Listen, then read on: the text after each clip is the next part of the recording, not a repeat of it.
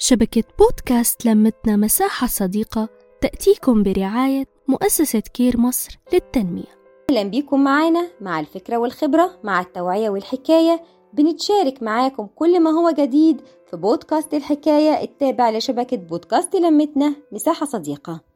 مسافرين ورحنا محطة القطر أنا وصاحبتي وبنتها. واقفين على شباك التذاكر علشان خاطر نقطع التذاكر. لقينا مرة واحدة زعيق وشخص متعصب وزعلان ومحدش عارف يتفاهم معاه. ولما ركزنا شوية إيه اللي بيحصل اكتشفنا إنه بيتكلم لغة الإشارة ومحدش عارف يتفاهم معاه ولا يوصله المعلومة ولا يفهم منه هو محتاج إيه.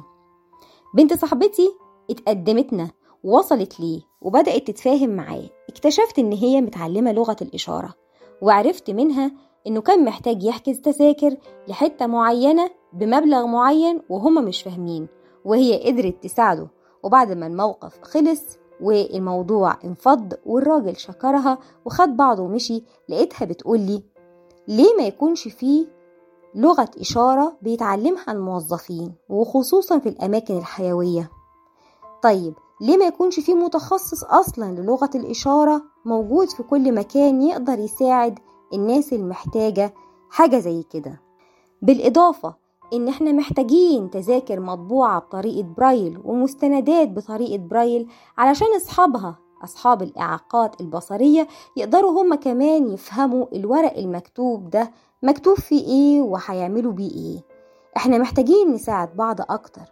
الصراحة لقيت عندها حق وكلامها منطقي جدا.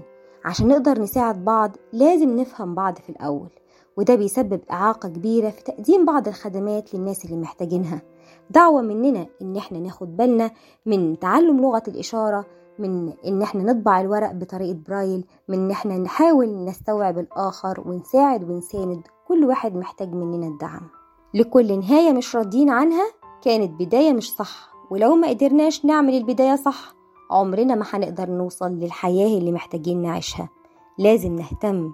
من بودكاست لمتنا مساحة صديقة وبودكاست الحكاية بنتمنى كلنا نعيش مع بعض متفاهمين كلنا قادرين نستوعب ونساعد ونفهم بعض.